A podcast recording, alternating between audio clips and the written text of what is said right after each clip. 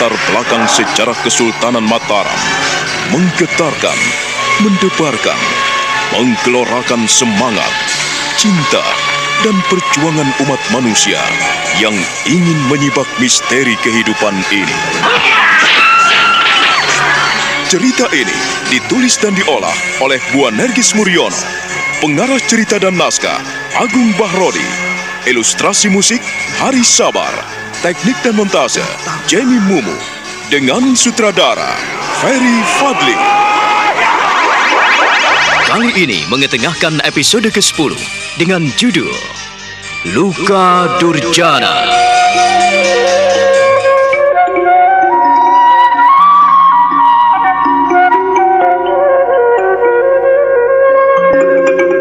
Pertemuan Wulan, Doran, Aji Sukmo dan Kiwari sangat mengharukan. Doran kehilangan dirinya. Ia terus menangis terisak-isak walaupun sudah sampai di Wisma Kiwari di Istana Mataram. Sukmo menceritakan pertemuan dengan sahabat kecilnya itu pada ayahnya. Kiwari mendengarkan dengan seksama. Dan seorang gadis cantik bersandar di ambang pintu tengah ikut mendengarkan kisahnya. Jadi, kau sudah lama bersama dengan Doran? Iya, ayah. Lama sekali aku hidup dengannya. Satu pembaringan, cari kayu bersama, dan ke mana-mana pun bersama. Tetapi aku tidak sadar kalau dia adalah Doran. Habis, dia linglung, seperti bengong begitu. Mo, Ah, Siapa yang mengetahui dirinya? Namanya saja tidak ingat. Apalagi dirinya. Dia benar-benar tidak tahu saat kutanyakan siapa dia sebetulnya. Tak punya tempat tinggal, tak punya orang tua. Namanya sendiri lupa. Bagaimana aku mengenalnya dengan baik? Lalu bagaimana akhirnya kau tahu bahwa dia adalah Doran? Saat itu di hutan Wicenan, kami bertemu dengan Dewi Maut. Iya, Dewi Maut. Eh, ada apa denganku? eh, sejak kecil kau nakal sekali Wulan. Karena kenakalanmu lah, maka Doran ingat dirinya. Tahukah kau, setelah kau meninggalkan kami di tengah hutan Wicenan itu, Doran ingat siapa dirinya. Oh ya? Kau selalu nakal. Tanya sendiri. Ketika kau pergi, tiba-tiba ia ingat. Ingat dirinya, ingat dirimu, ingat aku. Dan ingat saat kita bersama-sama berkelahi dengan hantu kuburan. Hmm? Akhirnya kalian bersama-sama juga. Aku berharap agar kalian bisa menjadi pendekar-pendekar tangguh di Mataram ini. Aku tidak menduga jika kalian telah tumbuh menjadi pendekar-pendekar perkasa seperti ini. Eh, Bulan, Iya, Paman. bagaimana denganmu hingga kau bisa sampai di Ponorogo, lalu sampai di Mataram? Tentu kisahmu menarik sekali. Ceritakanlah, aku ingin mendengarnya. Kisahnya panjang sekali, Paman. Eh, barangkali sehari tidak selesai bila aku harus menceritakannya satu persatu. Pendek kata, setelah aku sadar akan diriku harus menimba ilmu sebanyak-banyaknya, maka aku harus pergi meninggalkan kakek gunung. Kakek gunung, Dititip, Hmm. kau meninggalkannya dan ia tak punya siapa-siapa lagi. Eh, kakek memintaku meninggalkannya.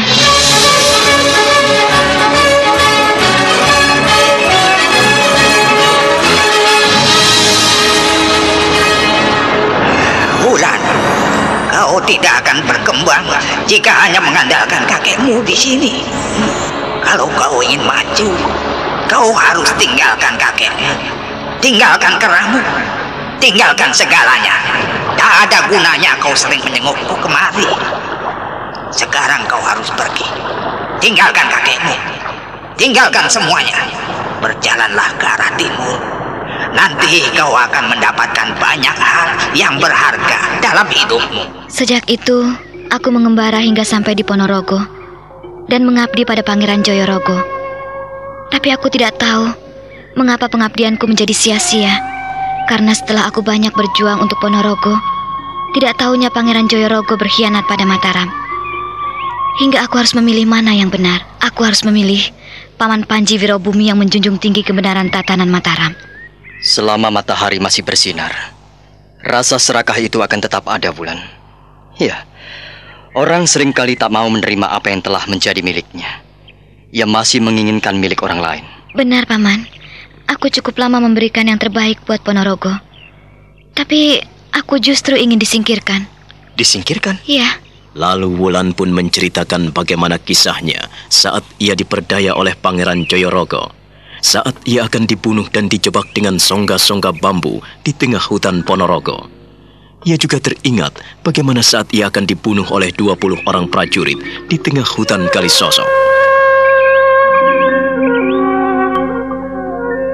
Hukuman buang di Nusa Kambangan nampaknya kurang tepat bagi Pangeran Joyorogo. Ia pantas digantung atau dihukum pancung. Dengan perampasan yang dilakukan Pangeran Pringgoloyo dan pengusiran dari Ponorogo, itu lebih dari cukup bulan. Upah orang yang serakah, ya seperti itu ia akan terbuang bagaikan sampah. Andaikan Paman Panji Wirobumi merestui, mungkin kami akan menggebuknya dengan pedang. Tapi Paman Panji Wirobumi sangat arif, sehingga kami tidak diperkenankan untuk mengangkat senjata. Ia sudah banyak makan asam garam kehidupan, sehingga Paman Panji Wirobumi mengetahui apa yang harus dilakukannya. Sejak Ki Ageng Mataram membabat alas mentauk ini, ia telah membantu Mataram jadi sudah wajar apabila ia tidak rela anak-anak Senopati ingin memberontak. Apa yang disampaikan oleh Paman Tumenggung Indronoto tepat sekali, Paman. Di mana setiap orang yang memberontak terhadap Mataram harus dihukum mati. Ya, akibat dari pemberontakan Pangeran Puger yang diampuni dan dimaafkan, maka Pangeran Joyorogo nampaknya menyepelekan Kanjeng Sinuwun. Kau yang hidup cukup lama dengan Joyorogo, tentu saja tahu bagaimana menilainya, Bulan. Iya, Pemberontakan Pangeran Puger memang memakan ribuan manusia. Anak-anak, perempuan, juga putra-putri terbaik Mataram meninggal dunia. Tewas di ujung senjata tajam. Memang sudah sepantasnya seandainya Pangeran Puger dihukum mati. Tetapi Kanjeng Sinuwun mengampuninya.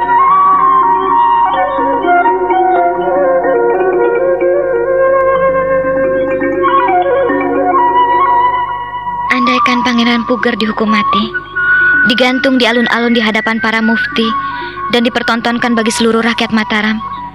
Tentu saja Pangeran Joyorogo tidak ingin coba-coba untuk memberontak. Andaikan kau terlibat dalam pemberontakan itu, apa jadinya? Tentu kau akan jadi musuhku, Wulan. Tidak semudah itu. Mataram negeri yang mapan dan makin perkasa. Lihatlah, kalian besok pagi bisa kuajak berjalan-jalan di kolam buaya. Kolam, buaya? Iya. Aku telah membangun taman dan kolam buaya yang dibantu oleh orang-orang Demak Bintoro yang ditawan pemerintah Mataram. Para pengikut Pangeran Puger dikerahkan sebagai tenaga kasar untuk menggali kolam buaya. Untuk apa kolam buaya itu, Paman? Kanjeng Sinuwun punya rencana panjang. Bahwa kolam buaya itu selain untuk hiburan, juga akan dipergunakan untuk menghukum orang-orang yang berkhianat pada negara. Orang-orang yang melakukan kejahatan akan dihukum di kolam buaya. Mengerikan sekali. Ya, rencana itu memang mengerikan. Sebab siapa pun yang bersalah sebelum dicemplungkan atau diceburkan dalam kolam itu, kakinya akan diikat dan digantung. Lalu akan diayun-ayun di atas buaya-buaya yang lapar. Oh, mengerikan sekali, Paman. Uh, semuanya sudah jadi, Paman? Ya, kami telah menangkap banyak buaya dari Kedung Srengenge. Sudah ada 20 ekor buaya yang ditempatkan di kolam yang sudah kubangun. Jadi hati-hatilah terhadap Mataram. Jangan sampai kita membantu orang-orang yang memberontak. Dan langkah kalian untuk turun di Palagan Kesatrian Mataram, saya pandang sangat tepat. Ayah, selama ini aku berguru pada Kanjeng Tumenggung Indronoto. Ia baik sekali padaku. Dia memiliki kemampuan yang luar biasa. Iya, kau nampaknya mendapatkan guru-guru yang tepat, Sukmo. Ayahmu tidak bisa mendidikmu, tidak bisa mengajarmu. Tetapi kau telah mendapatkannya dengan jalan dan langkahmu sendiri. Bagaimana dengan ibumu? Kakek dan nenekmu? Kau sering pulang?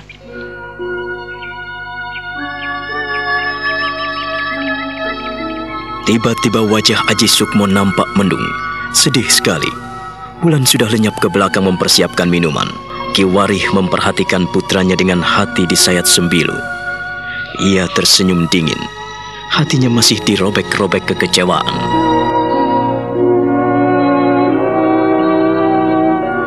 Mengapa kau nampak bersedih, Sukmo? Apa yang terjadi, Ger? Kau juga tidak pernah pulang? Tidak pernah menemui kakek dan nenekmu? Tidak pernah menemui ibumu? Ayah, kukira ibu mengikuti ayah di sini. Aku justru ingin bertanya bagaimana keadaan ibu. Tapi malah ayah menanyakan kepadaku. Bertahun-tahun aku tidak pulang, ayah. Apa, Angger? Maafkan Aji Sukmo. Bertahun-tahun Aji Sukmo tidak pulang. Aku tidak tahu bagaimana keadaan nenek dan kakek. Juga ibu. Ah, aku rindu pada mereka. Ayahmu juga sudah lama tidak pulang. Ki Warih nampak sedih sekali. Matanya berkaca-kaca. Aji Sukmo juga sedih sekali. Ia bertanya-tanya, apa sebetulnya yang telah terjadi di antara ayah dan ibunya? Juga di antara nenek dan kakeknya. Ia diselimuti seribu tanya, tak tahu apa yang telah terjadi di antara kedua orang tuanya. Ia mendengus panjang, lalu berusaha menembus mata ayahnya. Jadi selama ini kau tidak pernah pulang, anakku. Mengapa ayah tanya seperti itu? Jadi ayah juga tidak pernah pulang ke Karanganyar? Hah, ayah terlalu sibuk menyelesaikan tugas dan kewajiban di Istana Mataram. Kau tahu, ayah baru menyelesaikan kolam buaya. Nanti kita jalan-jalan bersama. Lalu bagaimana dengan ibu? Ayah tak memikirkannya? Ayah selalu memikirkannya. Ayah mengirim jatah setiap saat. Ya, ayah tak pernah melupakan ibumu, anakku. Bagaimana mungkin aku melupakan ibumu? Lalu bagaimana ayah memikirkan ibu? Kalau ayah selalu di Mataram dan tidak pernah bertemu dengan ibu, sementara ibu sendirian di Karanganyar. Ada kakek dan nenek Prada. Ayah? Iya. Ayah harus berterus terang kepadamu. Ibumu mungkin masih bersama kakek dan nenek Prada. Ah, mengapa bisa seperti ini, ayah? Susah menjelaskannya kepadamu, tetapi kau bisa menanyakan hal itu kepada ibu. Ayah telah menceraikan ibu? Tidak. Ayah tidak pernah menceraikan ibu. Waktu dan jaraklah yang memisahkan ayah dan ibu. Ya, ayah selalu memikirkannya. Sekalipun kami jauh, tetapi sebenarnya sangat dekat. Sukmo tidak mengerti ayah.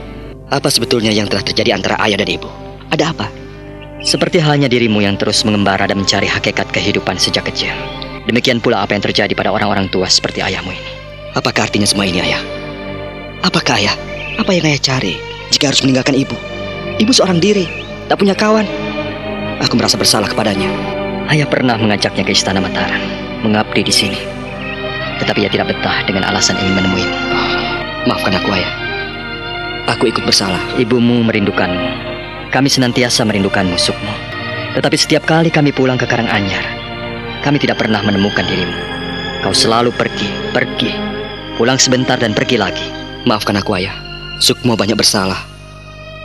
Tetapi yang tak aku mengerti, mengapa ayah dan ibu tidak bersama-sama? Andaikan ibu ada di sini, tentunya ayah lebih enak. Demikian pula dengan ibu. Pasti saling memperhatikan. Haruskah aku menceritakan apa yang terjadi pada anakku? Sudahkah ia cukup dewasa untuk menerima kenyataan apa yang dialami ibunya dan apa yang kualami selama ini? Oh, aku tak mengerti. Mengapa cobaan hidup menderaku seperti ini? Nini, aku mencintaimu, Nini. Aku mengasihimu.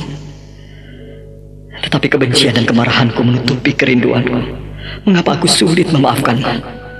Setiap kali aku ingat, aku menjadi benci dan jijik kepadamu. Maafkan aku, Nini. Tentu kau sudah memelihara orok itu. Dan anakmu itu, anak haram itu, tentu sudah kau lahirkan. Sudah kau besarkan. Apa yang terjadi padamu, Nini? Ayah? Uh, uh, mengapa ayah diam saja, ayah? Uh, aku memikirkan ibumu.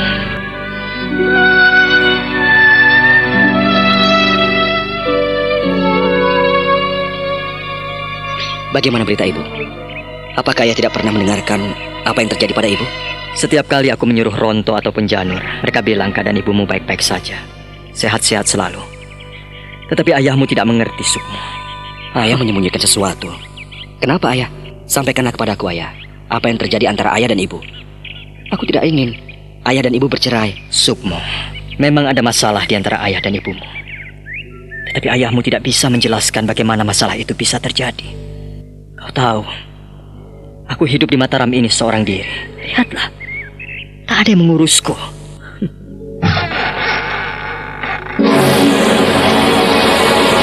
Kiwari memalingkan wajah, menyembunyikan perasaan sedihnya pada Wulan yang keluar dari dapur membawa setanggi minuman untuk mereka. Sementara Doran yang ada bersama mereka tertidur mendengkur dengan memeluk lututnya di lantai. Pemuda itu benar-benar sudah seperti orang yang kehilangan ingatan. Wulan tersenyum dengan menyuguhkan minuman itu pada Kiwarih dan Sukmo, sahabat kecilnya.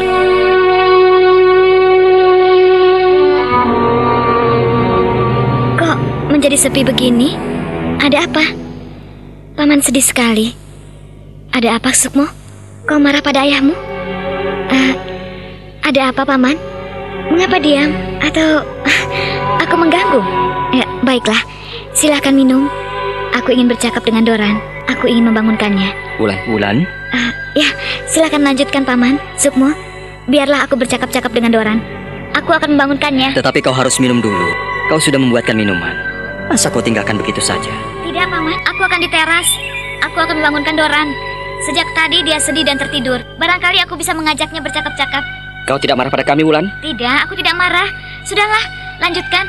Sukmo, paman, silahkan paman.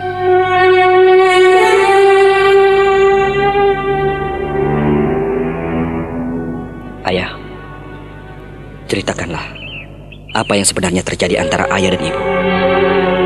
Apakah ada orang ketiga?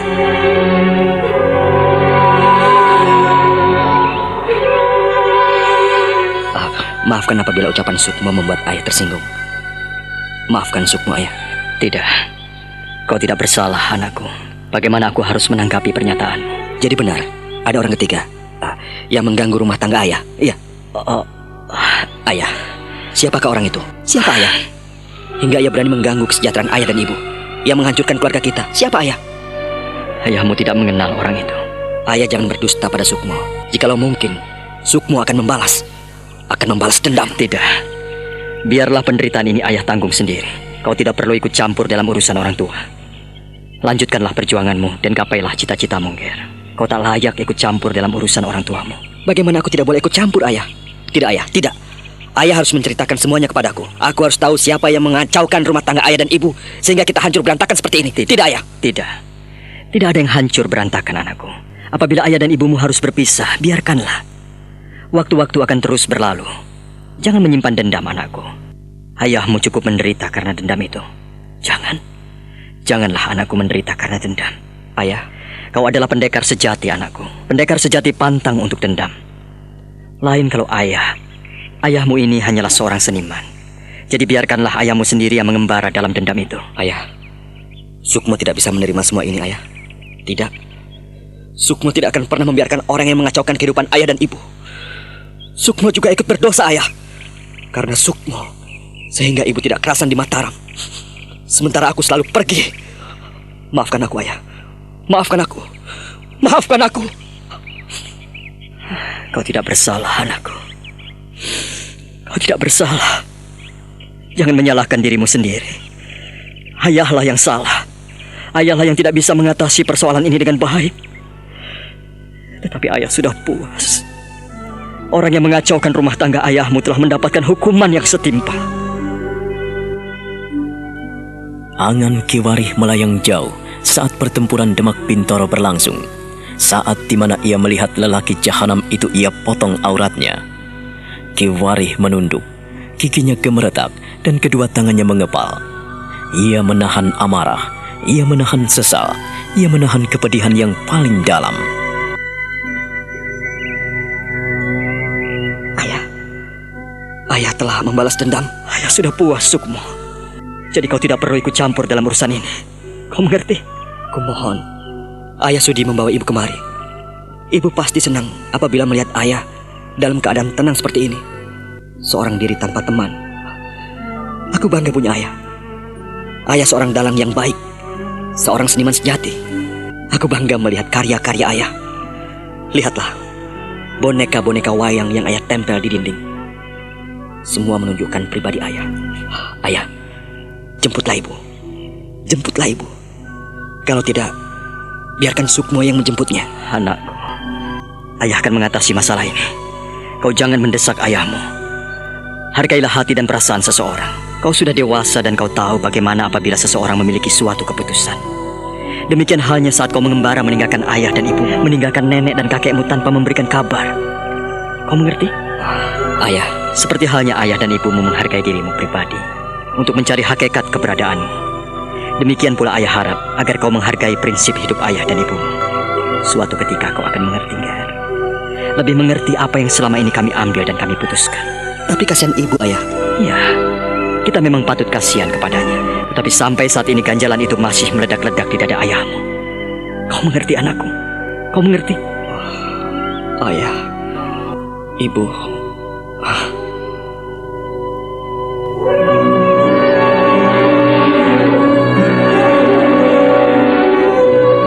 Aji Sukmo sedih sekali. Ia terduduk dengan otot lemas. tubuhnya terkulai. Ia menggeleng-gelengkan kepala. Ia tidak tahu apa yang harus dilakukan menghadapi ayahnya yang telah menutup diri atas kehadiran ibunya yang telah berlaku selingkuh. Tapi kini ia mengangkat wajah dan memandang ayahnya yang telah meneteskan air mata di kedua pipinya. Matanya berkaca-kaca dan mengabur melihat wajah ayahnya. Sudahlah, jangan kau pikirkan ayahmu. Kau harus melangkah dengan pasti. Jangan melihat ayahmu. Ayah akan menyelesaikan persoalan ini sebaik-baiknya. Percayalah, ayahmu tidak pernah bermaksud untuk menyakiti hati ibumu. Tapi kasihan ibu ayah. Apabila ia kita biarkan menderita seorang diri. Tidak, ibumu tidak akan menderita. Ia tahu apa yang harus dilakukannya. Di sana ada nenek dan kakek Prada. Ada kakek dan nenek Wulung. Mereka selalu menemani ibumu. Percayalah pada ayah. Tapi Sukma sungguh tidak mengerti ayah. Mengapa kejadian seperti itu bisa terjadi pada kita? Segala sesuatu bisa terjadi. Bahkan kita pun tidak akan tahu apa yang akan terjadi sebentar kemudian. Kau mengerti anakku? Sudahlah. Sana. Sana bersama Wulan dan Doran. Hmm?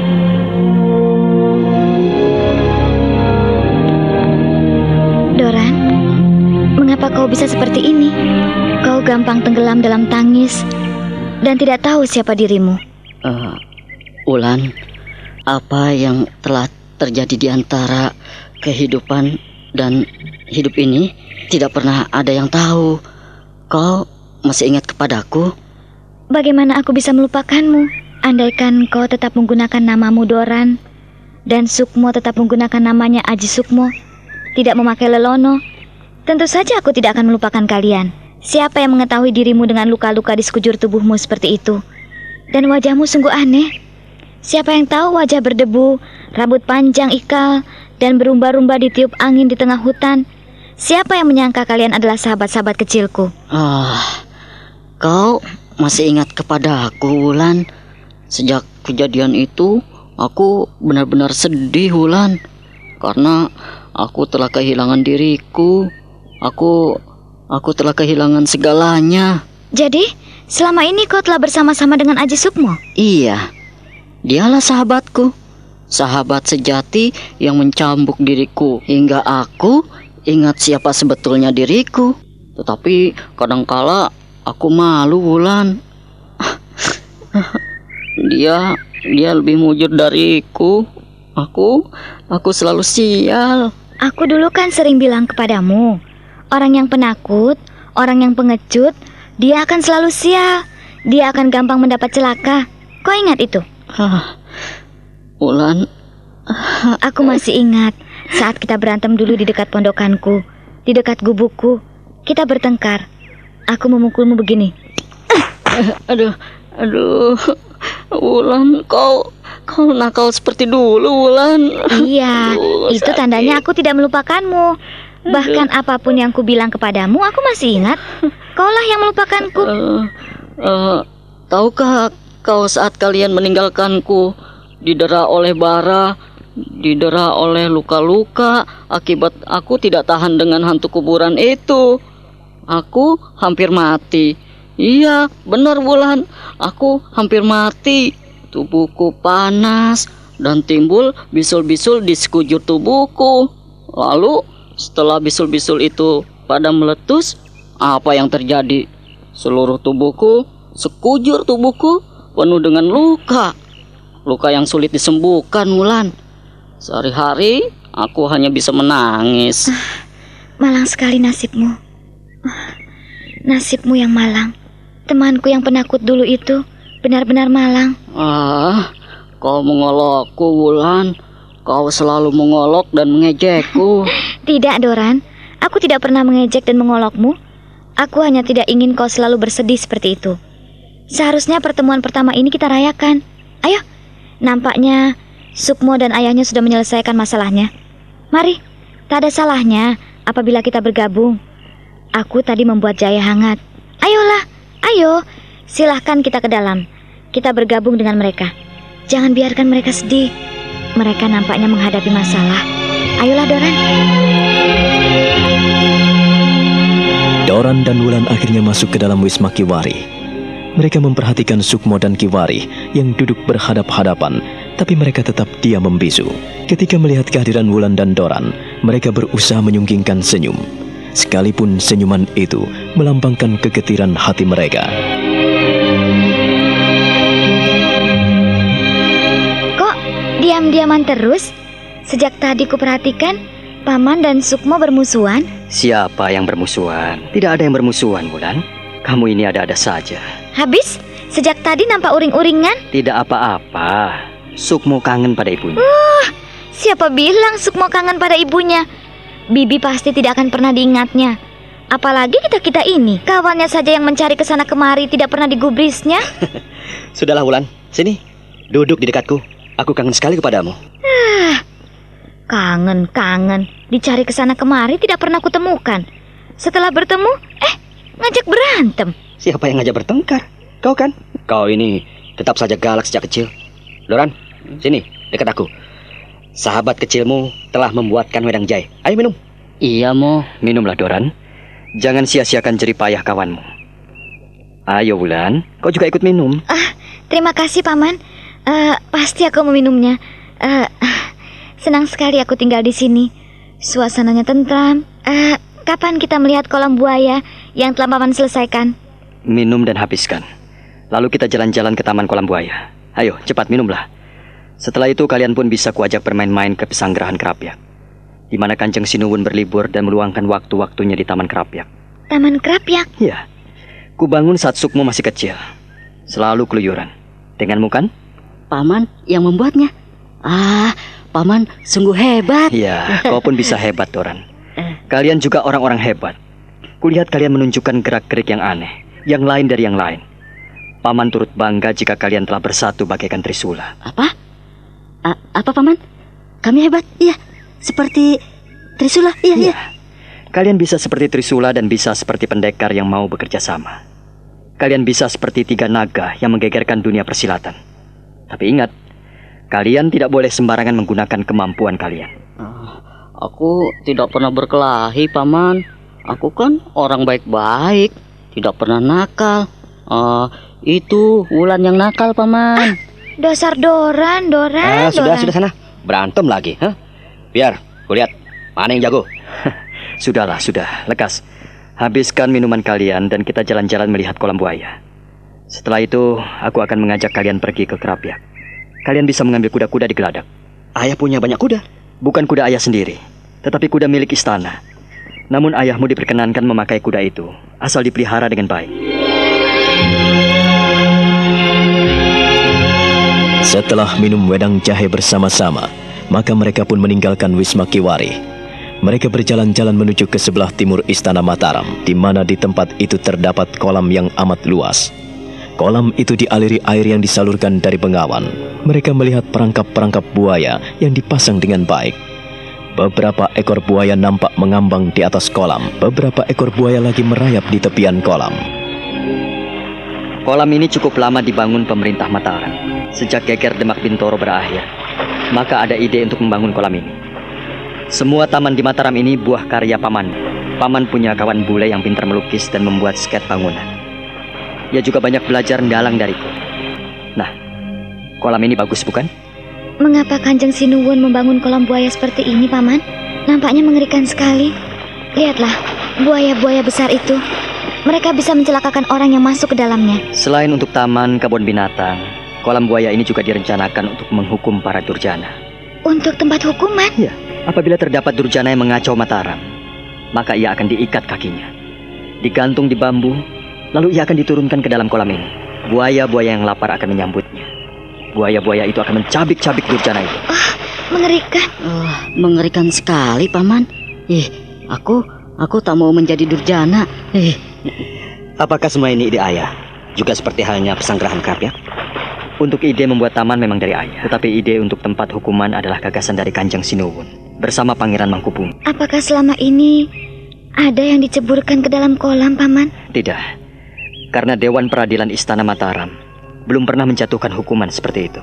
Para mufti tentu saja mempertimbangkan sejauh mana berat ringannya hukuman bagi orang-orang yang melakukan kesalahan ini. Hanya orang-orang yang suka membunuh sesamanya dan mencelakakan sesamanya yang pantas mendapatkan hukuman mati dan dihukum di kolam buaya ini.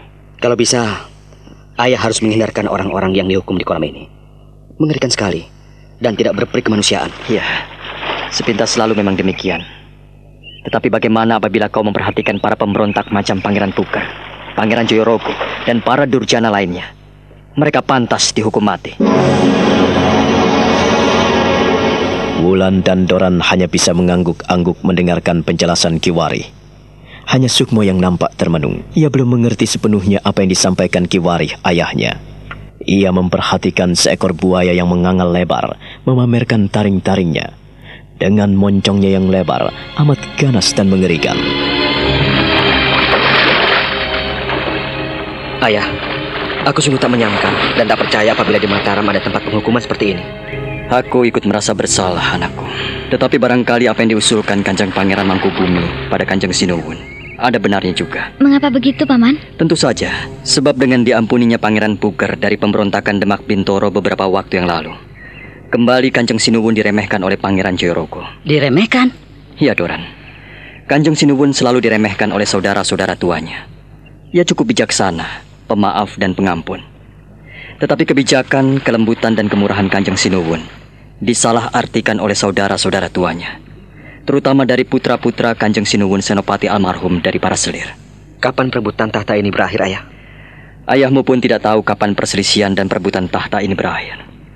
Tetapi menurutku, keserakahan dan kemurkaan tidak pernah berakhir. Selama masih ada angin berhembus, di sanalah manusia terduduk untuk merencanakan angan-angan dan hayalan. Ah, aku sendiri hampir terjerumus dalam kubangan hitam, Paman. Syukurlah jika Yang Maha Kuasa masih melindungimu.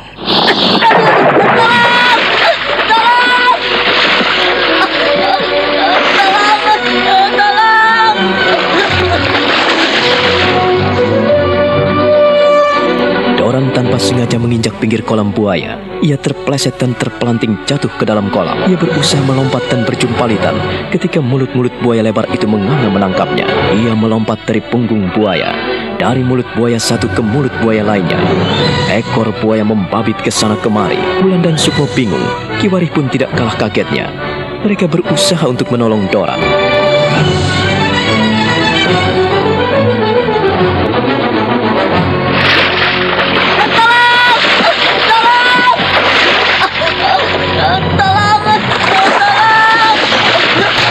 Kita harus menolongnya. Apa yang harus kita lakukan? Oh, kita mungkin terjun ke dalam kolam ini. Bagaimana ini, Sukmo? Aku akan menolongnya.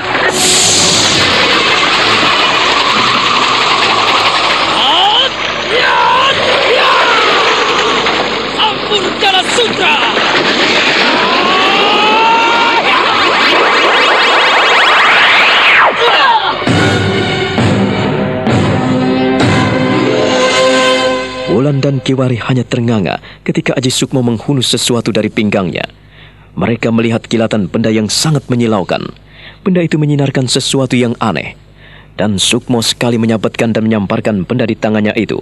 Sekonyong-konyong benda itu menyabet dan membelit Doran yang ada di dalam kolam buaya. Serta merta Sukmo mempetot dan menarik Doran yang telah terlilit sampur jala sutra itu. Dan dengan cepat pula, Aji Sukmo melilitkan sampur jala sutra di pinggangnya saat Doran terduduk tak berdaya di tanggul kolam.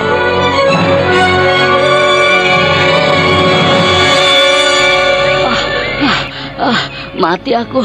Ah, mati aku mau. Ah, ah, ah. Doran, seharusnya kau tidak gegabah seperti itu. Kau memang pantas bila dipanggil linglung. Apa yang kau pikirkan? Sehingga kau tercebur dalam kolam itu, ha? Ah, aku ah, aku terpleset mo. Aku aku tidak tahu. Ah, ah, aku tidak tahu mo. Ah, kau ini merepotkan saja. Di mana-mana kau membaca celaka. Benar apa yang dikatakan Wulan? Bahwa orang yang penakut dan pengecut selalu saja ditimpa malapetaka. Eh, Doran, kau tidak apa-apa? Ya, kau tidak apa-apa, Doran. Aku tidak apa-apa, Wulan, paman. Uh, Sukmo, Sukmo, kau- kau... Yang Maha Kuasa masih menyelamatkanmu. Apabila Yang Maha Kuasa tidak mengulurkan tangan kasihnya kepadamu, tentu kau sudah dicabik-cabik oleh buaya-buaya lapar itu. Sudah, bangun. Terima kasih, Mo. Eh, terima kasih. Mm, maafkan eh, keteledoran eh ke keteledoranku, ya, Mo. Bangkitlah, dan jangan kau tunjukkan lagi sifat pengecutmu. Aku paling tidak suka melihat teman penakut. Sukmo, kau jangan marahi dia. Apakah kau lupa? Dia memang penakut, Bulan. Ah, hampir saja dia mampus dimakan buaya-buaya liar itu. Tapi kau telah menyelamatkannya. Eh, kau, Sukmo, aku tidak salah lihat. Apa ayahmu tidak salah lihat, Nger? Apa yang kau impikan, kau dapatkan, Sukmo. Anakku, apakah itu yang dinamakan Sampur Jala Sutra? Ah, ayah, Wulan, dan kau Doran, kumohon jangan membuka rahasia ini pada siapa pun juga. Inilah yang dinamakan pusaka Sampur Jala Sutra. Yang Maha Kuasa telah memberikan pusaka ini kepadaku. Kau akan menjadi pendekar sejati, anakku. Apabila kau bisa memelihara dua pusaka impianmu itu, pusaka yang kau impikan sejak kecil. Ah, ayah, kumohon ayah merahasiakan rahasia ini pada siapa pun juga. Sebab tak seorang pun boleh tahu kalau aku memiliki kedua pusaka itu. Sukmo, ah, kau sungguh luar biasa. Kau sekarang tidak perlu mimpi lagi. Tibalah saatnya kau menjadi penegak keadilan untuk meluruskan kebenaran. Ah, Sukmo. Ah, terima kasih. Keberhasilanku juga karena bantuan darimu, Wulan. Darimu, Doran, dan ayah. Kau pun andil begitu besar dalam hidupku. Ayahmu tidak mampu melakukan apa-apa, anakku. Kau sendirian telah bertekad untuk mendapatkan segalanya. Ayahmu ini apa? Ayahmu ini ibarat sampah. Hah. Ayahmu tak mampu mendidikmu. Ayahmu tak mampu menjagaimu. Ki Warih tak mampu melanjutkan kata-katanya. Ia tubruk anaknya dan ia peluk. Wulan dan Doran terharu menyaksikan anak dan bapak itu saling berpelukan. Ki Warih memang sedih sekali. Sebab kini ia teringat pada istrinya yang ada di kampung Goa di rumah Nyai Prada. Dan kau memang tak akan pernah kembali, kakak. Kau melupakan aku. Kau tak mau memaafkan aku. Kakang Wari, aku sangat mencintaimu. Aku sangat mengasihimu. Tapi, tapi mengapa kau tidak memaafkan aku, kakak? Aku tidak akan pernah memaafkanmu karena kau telah berlaku selingkuh. Maafkan aku Nini, apabila aku tidak kembali ke sini.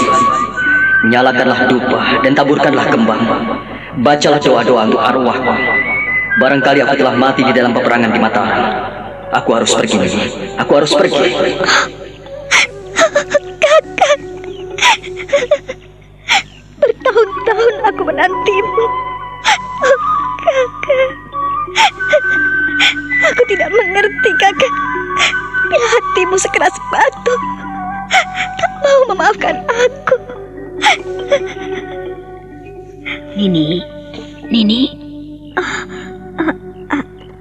Ada apa, Mbok? matamu merah, bengkak seperti itu.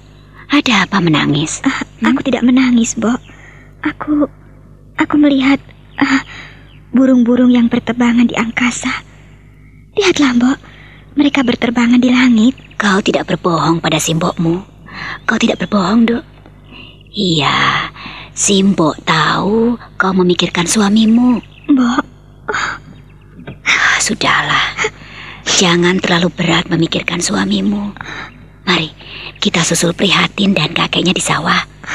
Kau tidak ingin menengoknya?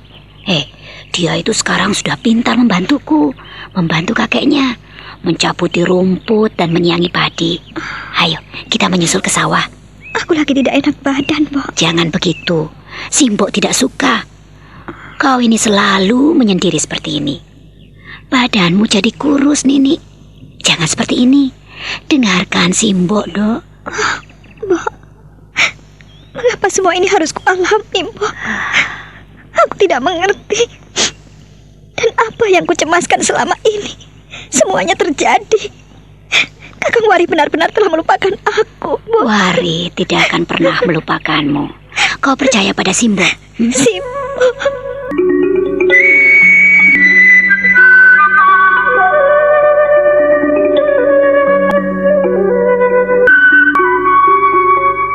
Nini Warih memeluk ibunya, Nyai Pradah merengkuhnya, dan memeluk erat-erat anak perempuannya yang telah lama ditinggalkan suaminya akibat musibah yang harus ditanggungnya selama Ki Warih berada di Mataram. Nyai Pradah terharu sekali, hatinya teriris Di kedua pipinya bergulir butir-butir bening air mata. Sudah, Lando. Kau jangan menangis. Apa yang sudah terjadi tidak perlu kita sesali dan tidak bisa kita hindarkan.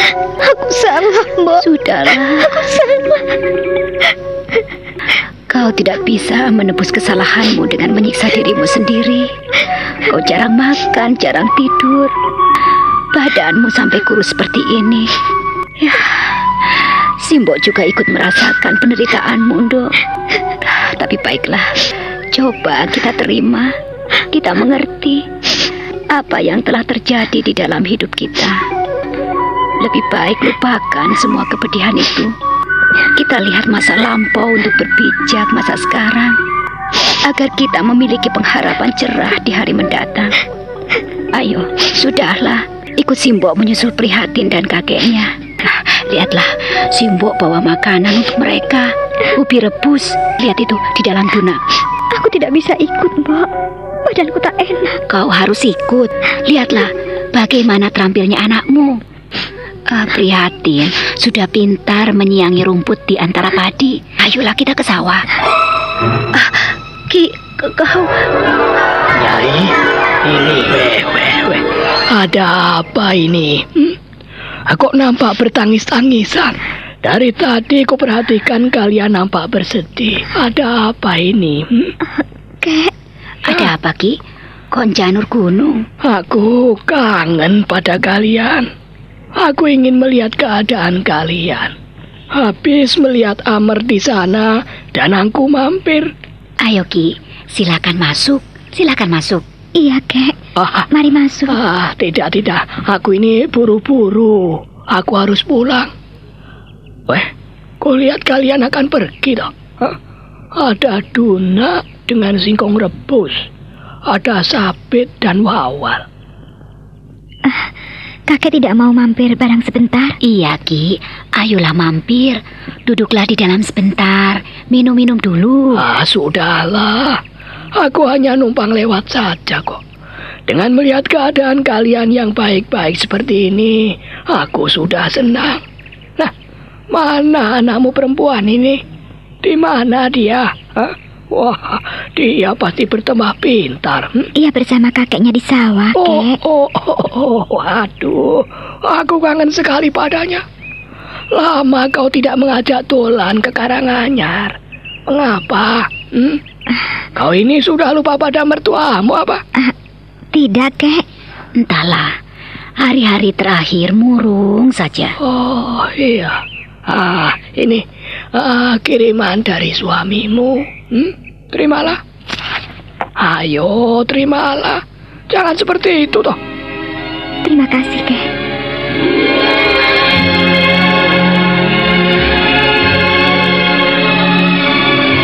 Hmm, ada apa? Kakang tidak pernah pulang. Entahlah, Nini. Sudah lama aku tidak menengok ke karangannya. Ia hanya mengirimkan uang itu melalui kawannya. Ya, kiriman itu selalu dikirimkan oleh Ronto atau Janur. Mereka berganti-ganti. Aku tidak mengerti mengapa ia tidak pernah pulang ini. Ya, barangkali pekerjaannya masih banyak di sana. Hmm? Kalau pulang, beritahu saya ya, Kek. Saya ingin bertemu padanya. Saya kangen sekali, Kek. Eh, ia melantur kalau bekerja keras. Lupa waktu. Hmm. Ah, sudah bertahun-tahun ia tidak menengok ayah dan ibunya. Ya, sudahlah.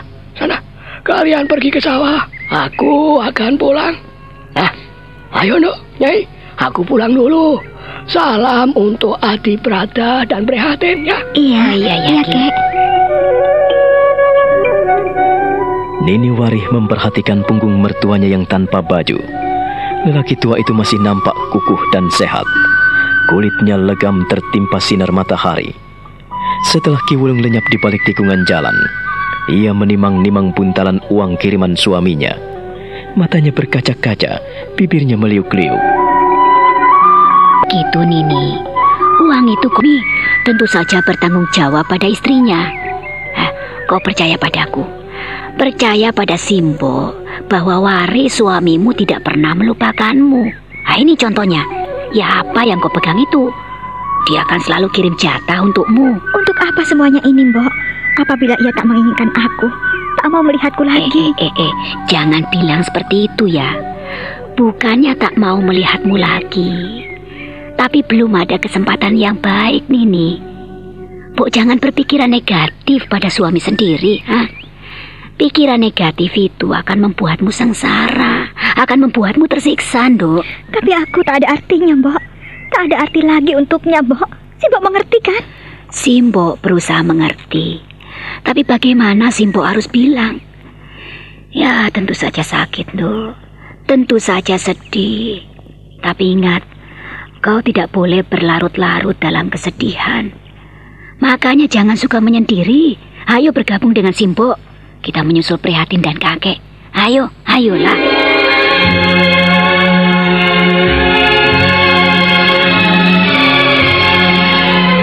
Nini Warih akhirnya menurut Nyai Pradah saat tangannya diseret. Nyai Pradah membungkuk dan menyambar dunak yang ada di tanah, lalu menggendongnya. Sementara tangan kanannya menyeret anak perempuannya, mereka menuju ke sawah, menyusul Ki Prada dan Prihatin. Sementara itu, di Mataram, Ki Warih duduk seorang diri, ditemani wayang-wayang yang telah selesai disungging. Hmm. Berkudoro, Gatot Koco, Antarjo, Arjuno. Huh, Mengapa aku tidak bisa seperti kalian? Aku benar-benar sakit hati. Oh, jagat Dewa Betara. Apa sebetulnya yang telah terjadi dalam hidupku? Biarkanlah aku menikmati sedikit kebahagiaan. Aku telah menyaksikan Sukmo dengan sampur jala sutranya. Dia telah menjadi pemuda gagah, tampan dan sakti mandraguna. Wulan juga telah menjadi pendekar perempuan yang cukup handal. Ia seperti Sri Kandi, Doran. Mungkin ia pantas seperti Kokrosono yang berwajah jelek. Tapi mereka bisa menjadi putra-putra Mataram. Mereka bisa menjadi pendekar-pendekar andalan yang bekerja untuk pemerintah Mataram. Mereka bisa berdiri di garis depan. Aku harus bangga punya mereka. Huh, Mereka selalu akrab sejak kecil sampai kini. Baiklah, daripada aku duduk memandangi boneka-boneka wayang yang tertempel di dinding rumah ini. Lebih baik aku memperhatikan mereka, apa yang mereka lakukan. Doran, Sukmo, sudah tiba saatnya kita melakukan sesuatu. Apa maksudmu, Ulan? Waktu kecil, bukankah kita ingin sekali untuk melihat Mataram? Dan kita telah sampai di sini. Kita telah dewasa. Bagaimana dengan cita-citamu? Bagaimana dengan kedua pusakamu itu? Bukankah kau ingin memanfaatkannya? Iya, aku berusaha memanfaatkan sebaik-baiknya. Dan aku telah merasakan kehebatannya. Kau memang hebat sekali, Mo. Bukan aku yang hebat. Iya, Sukmo hebat sekali, Wulan. Memangnya kau baru tahu? Jangan dengarkan linglung. Jika bicara ngelantur ke mana-mana. Oh, Mo, kau kau selalu begitu, Mo. Jangan sembarangan ngomong, Doran. Dipikir kalau bicara. Wulan, kau mau tahu? Dia itu bukan hanya beruntung di sini. Di mana-mana ia selalu beruntung dibanding aku. Maksudmu? Eh, kalau aku sering dimusuhi gadis-gadis teratak. Kalau Sukmo, Kalau Sukmo kenapa? Kalau Sukmo kenapa, Doran? Ayo bilang, Eh. katakan. eh, dia, eh, kau mau tahu? Dia kenapa? Eh, dia, hmm, Kenapa? Hah? dia sekarang punya kekasih yang cantik sekali. Apa? Doran? Eh, iya, Sukmo sudah punya kekasih. Kamu bagaimana? Kamu sudah punya eh, teman laki-laki? Eh, maksudku, eh, eh, punya kekasih seperti Sukmo. Wulan, mengapa kau diam? Hah? Eh, kalau aku mm, mm, punya juga. Eh, mereka cantik-cantik. Eh, kamu tahu ya? Ah, kamu tahu ya, Mo?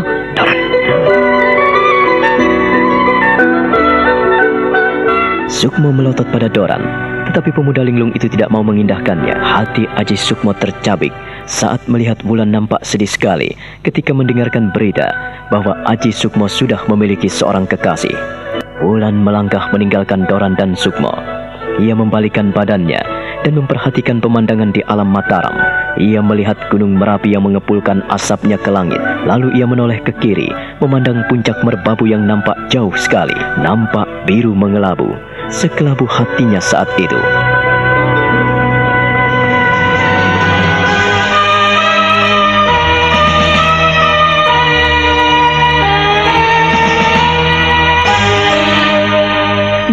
Bagaimana kisah selanjutnya? Saudara pendengar, silakan menunggu seri berikutnya dalam serial Wahyu Astabrata ini. Sampai jumpa.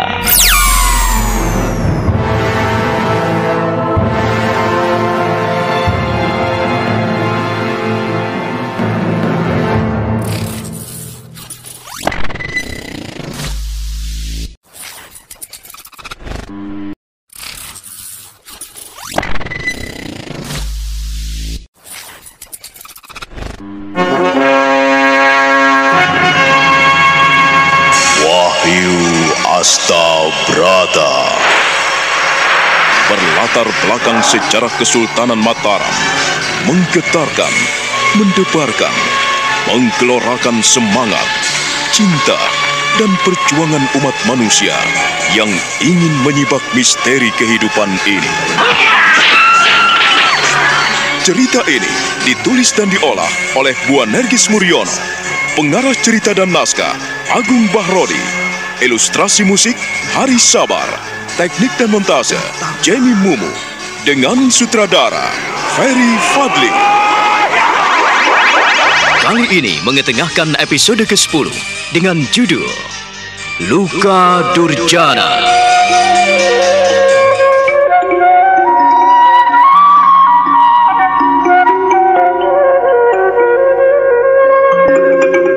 Pertemuan Wulan, Doran, Aji Sukmo dan Kiwari sangat mengharukan. Doran kehilangan dirinya. Ia terus menangis terisak-isak walaupun sudah sampai di Wisma Kiwari di Istana Mataram. Sukmo menceritakan pertemuan dengan sahabat kecilnya itu pada ayahnya. Kiwari mendengarkan dengan seksama. Dan seorang gadis cantik bersandar di ambang pintu tengah ikut mendengarkan kisahnya. Jadi, kau sudah lama bersama dengan Doran? Iya, ayah. Lama sekali aku hidup dengannya. Satu pembaringan, cari kayu bersama dan ke mana-mana pun bersama. Tetapi aku tidak sadar kalau dia adalah Doran. Habis, dia linglung, seperti bengong begitu. Ma, Ah, Siapa yang mengetahui dirinya? Namanya saja tidak ingat. Apalagi dirinya. Dia benar-benar tidak tahu saat kutanyakan siapa dia sebetulnya. Tak punya tempat tinggal, tak punya orang tua. Namanya sendiri lupa. Bagaimana aku mengenalnya dengan baik? Lalu bagaimana akhirnya kau tahu bahwa dia adalah Doran? Saat itu di hutan Wicenan, kami bertemu dengan Dewi Maut. Iya, Dewi Maut. Eh, ada apa denganku? eh, sejak kecil kau nakal sekali Wulan. Karena kenakalanmu lah, maka Doran ingat dirinya. Tahukah kau, setelah kau meninggalkan kami di tengah hutan Wicenan itu, Doran ingat siapa dirinya. Oh ya? Kau selalu nakal. Tanya sendiri. Ketika kau pergi, tiba-tiba ia ingat. Ingat dirinya, ingat dirimu, ingat aku.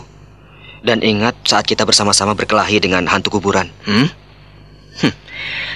Akhirnya kalian bersama-sama juga. Aku berharap agar kalian bisa menjadi pendekar-pendekar tangguh di Mataram ini. Aku tidak menduga jika kalian telah tumbuh menjadi pendekar-pendekar perkasa seperti ini. Eh, Bulan, Iya, Paman. bagaimana denganmu hingga kau bisa sampai di Ponorogo, lalu sampai di Mataram? Tentu kisahmu menarik sekali. Ceritakanlah, aku ingin mendengarnya. Kisahnya panjang sekali, Paman. Eh, barangkali sehari tidak selesai bila aku harus menceritakannya satu persatu. Pendek kata, setelah aku sadar akan diriku harus menimba ilmu sebanyak-banyaknya, maka aku harus pergi meninggalkan kakek gunung. Kakek gunung, dititip? Kau meninggalkannya dan ia tak punya siapa-siapa lagi. Eh, kakek memintaku meninggalkannya.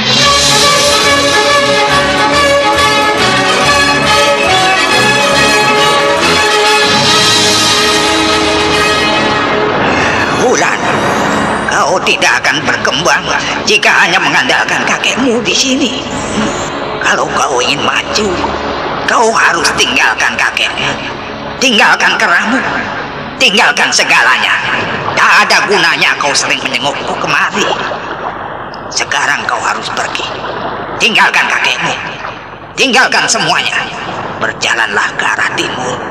Nanti kau akan mendapatkan banyak hal yang berharga dalam hidupmu. Sejak itu, aku mengembara hingga sampai di Ponorogo dan mengabdi pada Pangeran Joyorogo. Tapi aku tidak tahu mengapa pengabdianku menjadi sia-sia Karena setelah aku banyak berjuang untuk Ponorogo, tidak tahunya Pangeran Joyorogo berkhianat pada Mataram. Hingga aku harus memilih mana yang benar. Aku harus memilih Paman Panji Wirobumi yang menjunjung tinggi kebenaran tatanan Mataram. Selama matahari masih bersinar, rasa serakah itu akan tetap ada, Bulan. Ya, orang sering kali tak mau menerima apa yang telah menjadi miliknya. Ia masih menginginkan milik orang lain. Benar, Paman. Aku cukup lama memberikan yang terbaik buat Ponorogo. Tapi aku justru ingin disingkirkan. Disingkirkan? Iya. Lalu Wulan pun menceritakan bagaimana kisahnya saat ia diperdaya oleh Pangeran Joyorogo. Saat ia akan dibunuh dan dijebak dengan songga-songga bambu di tengah hutan Ponorogo. Ia juga teringat bagaimana saat ia akan dibunuh oleh 20 orang prajurit di tengah hutan Kalisoso. Hukuman buang di Nusa Kambangan nampaknya kurang tepat bagi Pangeran Joyorogo. Ia pantas digantung atau dihukum pancung. Dengan perampasan yang dilakukan Pangeran Pringgoloyo dan pengusiran dari Ponorogo, itu lebih dari cukup bulan. Upah orang yang serakah, ya seperti itu. Ia akan terbuang bagaikan sampah. Andaikan Paman Panji Wirobumi merestui, mungkin kami akan menggebuknya dengan pedang. Tapi Paman Panji Wirobumi sangat arif sehingga kami tidak diperkenankan untuk mengangkat senjata. Ia sudah banyak makan asam garam kehidupan, sehingga Paman Panji Wirobumi mengetahui apa yang harus dilakukannya. Sejak Ki Ageng Mataram membabat alas mentauk ini, ia telah membantu Mataram. Jadi sudah wajar apabila ia tidak rela anak-anak Senopati ingin memberontak. Apa yang disampaikan oleh Paman Tumenggung Indronoto tepat sekali, Paman. Di mana setiap orang yang memberontak terhadap Mataram harus dihukum mati. Ya, akibat dari pemberontakan Pangeran Puger yang diampuni dan dimaafkan, maka Pangeran Joyorogo nampaknya menyepelekan Kanjeng Sinuwun. Kau yang hidup cukup lama dengan Joyorogo, tentu saja tahu bagaimana menilainya, Bulan. Iya, pemberontakan Pangeran Puger memang memakan ribuan manusia. Anak-anak, perempuan, juga putra-putri terbaik Mataram meninggal dunia, tewas di ujung senjata tajam. Memang sudah sepantasnya seandainya Pangeran Puger dihukum mati. Tetapi Kanjeng Sinuwun mengampuninya.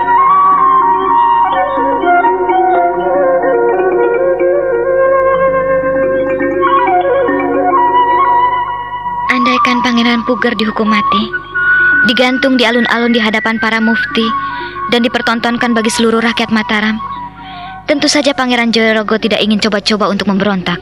Andaikan kau terlibat dalam pemberontakan itu, apa jadinya? Tentu kau akan jadi musuhku, Wulan. Tidak semudah itu. Mataram negeri yang mapan dan makin perkasa. Lihatlah. Kalian besok pagi bisa kuajak berjalan-jalan di kolam buaya. Kolam, buaya? Iya. Aku telah membangun taman dan kolam buaya yang dibantu oleh orang-orang Demak Bintoro yang ditawan pemerintah Mataram. Para pengikut Pangeran Puger dikerahkan sebagai tenaga kasar untuk menggali kolam buaya. Untuk apa kolam buaya itu, Paman? Kanjeng Sinuwun punya rencana panjang. Bahwa kolam buaya itu selain untuk hiburan, juga akan dipergunakan untuk menghukum orang-orang yang berkhianat pada negara. Orang-orang yang melakukan kejahatan akan dihukum di kolam buaya. Mengerikan sekali. Ya, rencana itu memang mengerikan. Sebab siapa pun yang bersalah sebelum dicemplungkan atau diceburkan dalam kolam itu, kakinya akan diikat dan digantung. Lalu akan diayun-ayun di atas buaya-buaya yang lapar. Oh, mengerikan sekali, Paman. Uh, semuanya sudah jadi, Paman? Ya, kami telah menangkap banyak buaya dari Kedung Srengenge. Sudah ada 20 ekor buaya yang ditempatkan di kolam yang sudah kubangun. Jadi hati-hatilah terhadap Mataram. Jangan sampai kita membantu orang-orang yang memberontak. Dan langkah kalian untuk turun di Palagan Kesatrian Mataram, saya pandang sangat tepat. Ayah, selama ini aku berguru pada Kanjeng Tumenggung Indronoto. Ia baik sekali padaku. Dia memiliki kemampuan yang luar biasa. Iya, kau nampaknya mendapatkan guru-guru yang tepat, Sukmo. Ayahmu tidak bisa mendidikmu, tidak bisa mengajarmu. Tetapi kau telah mendapatkannya dengan jalan dan langkahmu sendiri. Bagaimana dengan ibumu? Kakek dan nenekmu? Kau sering pulang?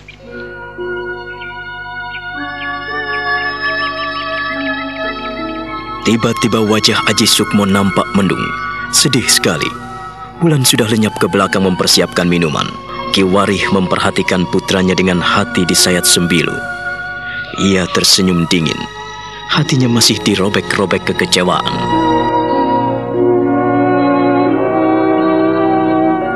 Mengapa kau nampak bersedih, Sukmo? Apa yang terjadi, Ger? Kau juga tidak pernah pulang? Tidak pernah menemui kakek dan nenekmu? Tidak pernah menemui ibumu? Ayah, kukira ibu mengikuti ayah di sini. Aku justru ingin bertanya bagaimana keadaan ibu. Tapi malah ayah menanyakan kepadaku.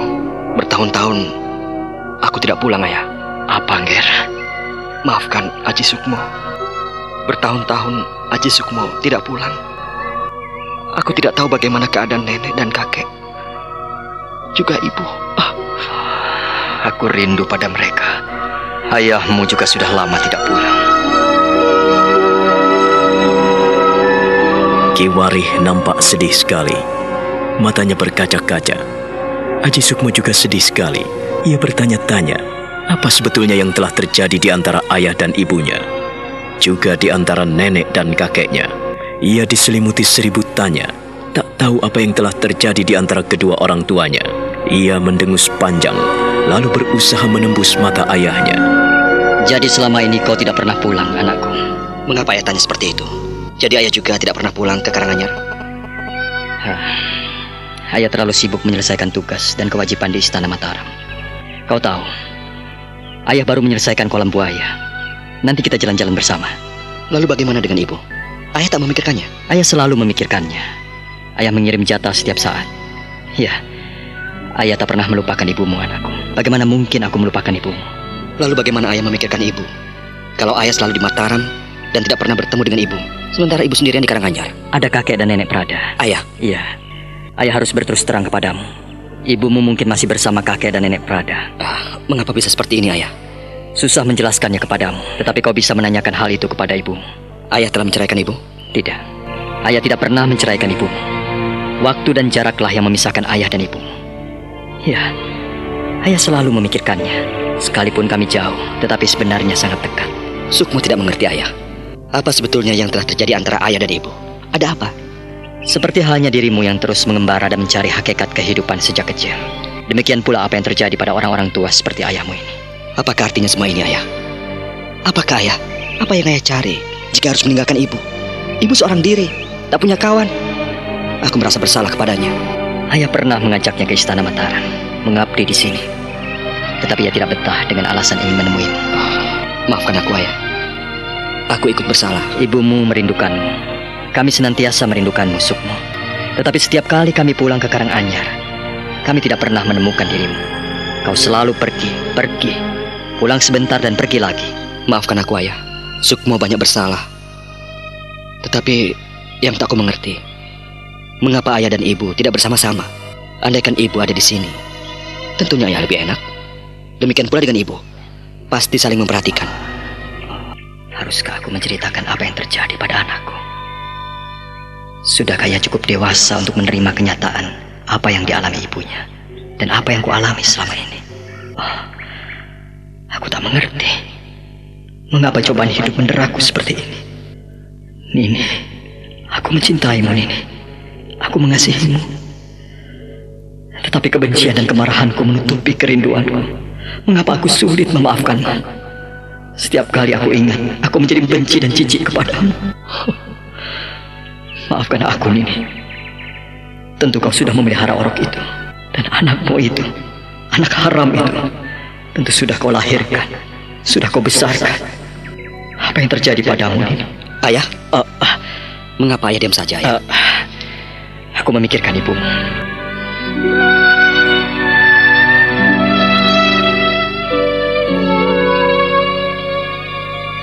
Bagaimana berita ibu? Apakah ayah tidak pernah mendengarkan apa yang terjadi pada ibu? Setiap kali aku menyuruh Ronto ataupun Janur, mereka bilang keadaan ibumu baik-baik saja.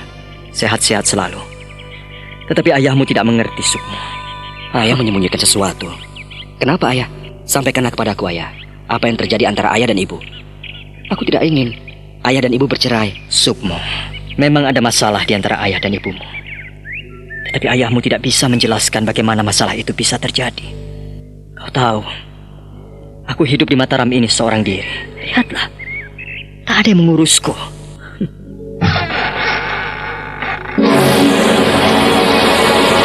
Kiwari memalingkan wajah, menyembunyikan perasaan sedihnya pada Wulan yang keluar dari dapur membawa setanggi minuman untuk mereka. Sementara Doran yang ada bersama mereka tertidur mendengkur dengan memeluk lututnya di lantai. Pemuda itu benar-benar sudah seperti orang yang kehilangan ingatan. Wulan tersenyum dengan menyuguhkan minuman itu pada Kiwarih dan Sukmo, sahabat kecilnya.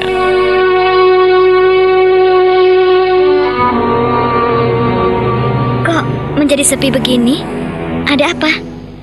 Paman sedih sekali. Ada apa, Sukmo? Kau marah pada ayahmu? Eh, ada apa, Paman? Mengapa diam? Atau aku mengganggu? Ya, baiklah. Silahkan minum. Aku ingin bercakap dengan Doran. Aku ingin membangunkannya. Wulan, Wulan, Ah, ya, silakan lanjutkan, Paman. Sukmo, biarlah aku bercakap-cakap dengan Doran. Aku akan membangunkannya. tetapi kau harus minum dulu. Kau sudah membuatkan minuman. Masa kau tinggalkan begitu saja? Tidak, Paman. Aku akan di teras. Aku akan membangunkan Doran. Sejak tadi dia sedih dan tertidur. Barangkali aku bisa mengajaknya bercakap-cakap. Kau tidak marah pada kami, Wulan? Tidak, aku tidak marah. Sudahlah, lanjutkan. Sukmo, Paman, silahkan Paman.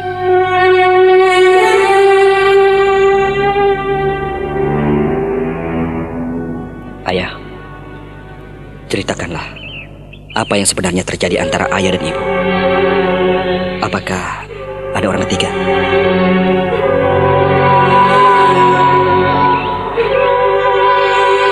Ah, maafkan apabila ucapan Sukmo membuat ayah tersinggung.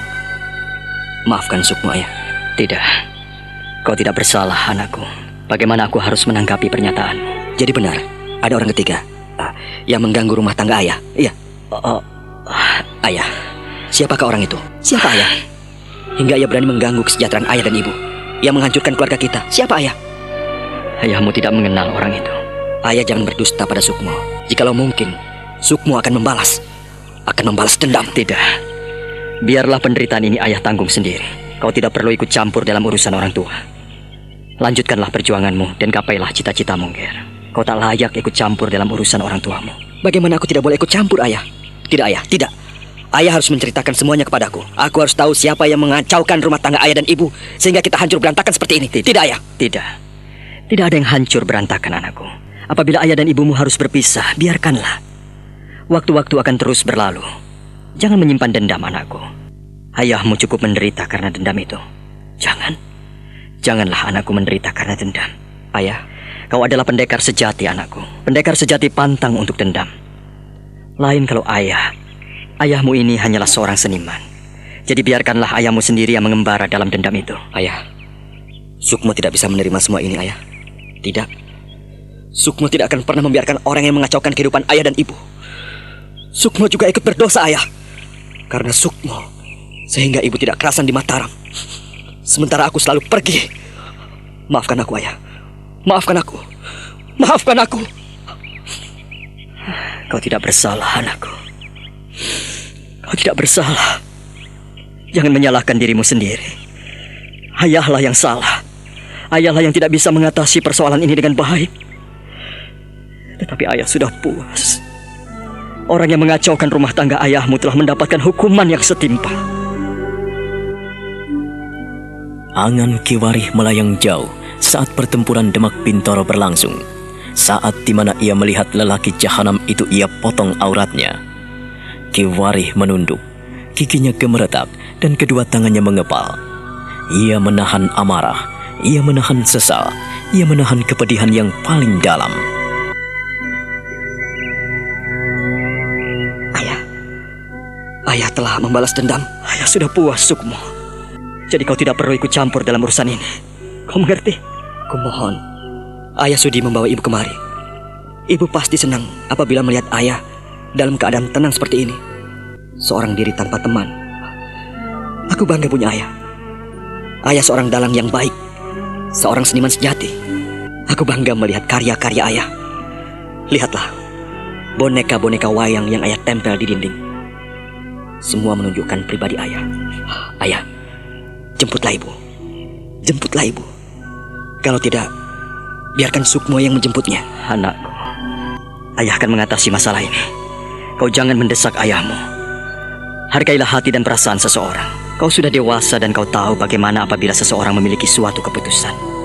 Demikian halnya saat kau mengembara meninggalkan ayah dan ibu, meninggalkan nenek dan kakekmu tanpa memberikan kabar. Kau mengerti? Ayah, seperti halnya ayah dan ibumu menghargai dirimu pribadi untuk mencari hakikat keberadaanmu. Demikian pula ayah harap agar kau menghargai prinsip hidup ayah dan ibumu. Suatu ketika kau akan mengerti, Ger. Lebih mengerti apa yang selama ini kami ambil dan kami putuskan. Tapi kasihan ibu, ayah. Ya, kita memang patut kasihan kepadanya. Tetapi sampai saat ini ganjalan itu masih meledak-ledak di dada ayahmu. Kau mengerti anakku? Kau mengerti? Ayah, ibu,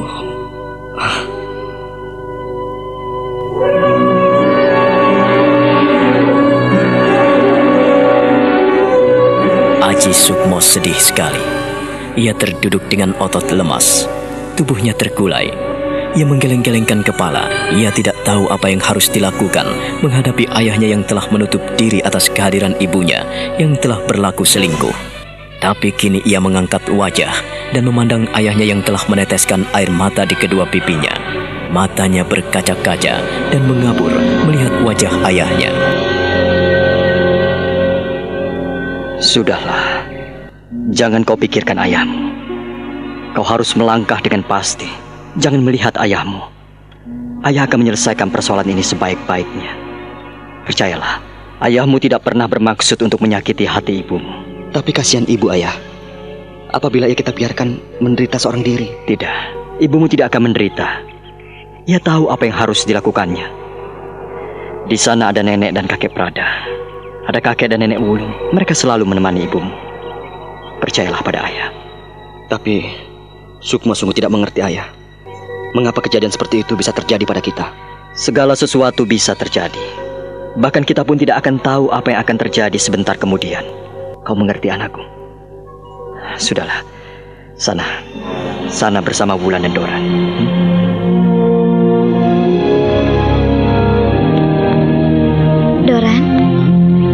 kau bisa seperti ini? Kau gampang tenggelam dalam tangis dan tidak tahu siapa dirimu.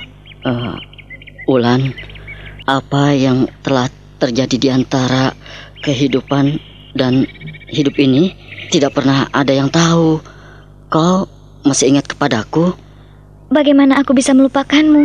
Andaikan kau tetap menggunakan namamu Doran dan Sukmo tetap menggunakan namanya Aji Sukmo, tidak memakai Lelono, tentu saja aku tidak akan melupakan kalian. Siapa yang mengetahui dirimu dengan luka-luka di sekujur tubuhmu seperti itu? Dan wajahmu sungguh aneh. Siapa yang tahu wajah berdebu, rambut panjang ikal, dan berumba-rumba ditiup angin di tengah hutan? Siapa yang menyangka kalian adalah sahabat-sahabat kecilku? Ah, kau masih ingat kepada aku, Wulan? Sejak kejadian itu, aku benar-benar sedih, Wulan. Karena aku telah kehilangan diriku. Aku aku telah kehilangan segalanya. Jadi, selama ini kau telah bersama-sama dengan Aji Sukmo? Iya.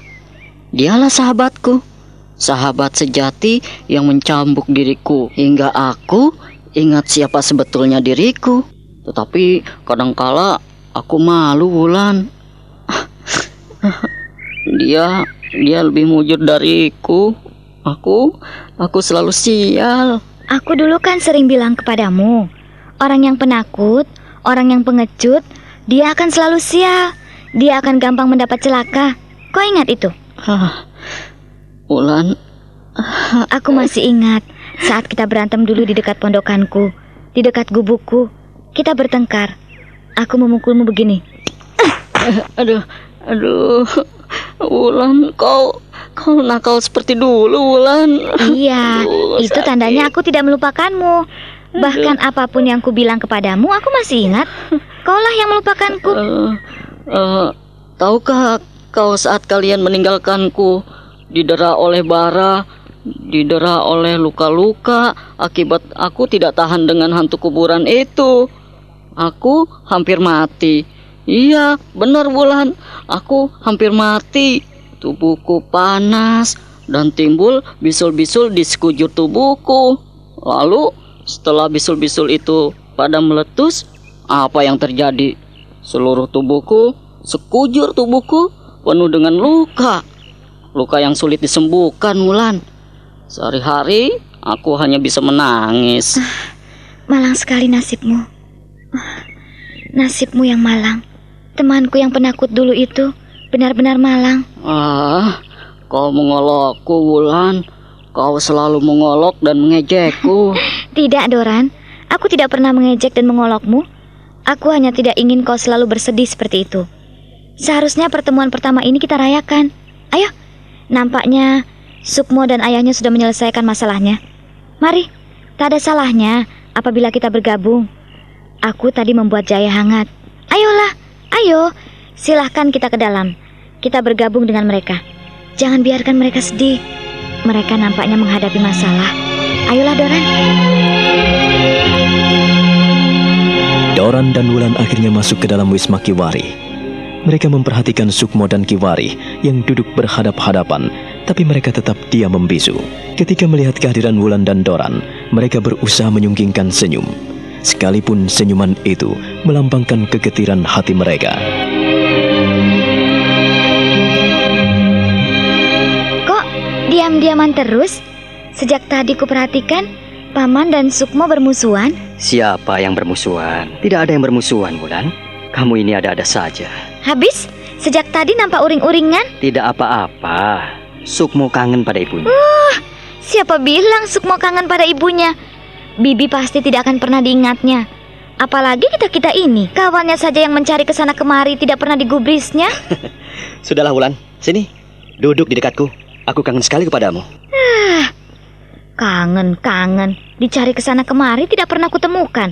Setelah bertemu, eh, ngajak berantem. Siapa yang ngajak bertengkar? Kau kan?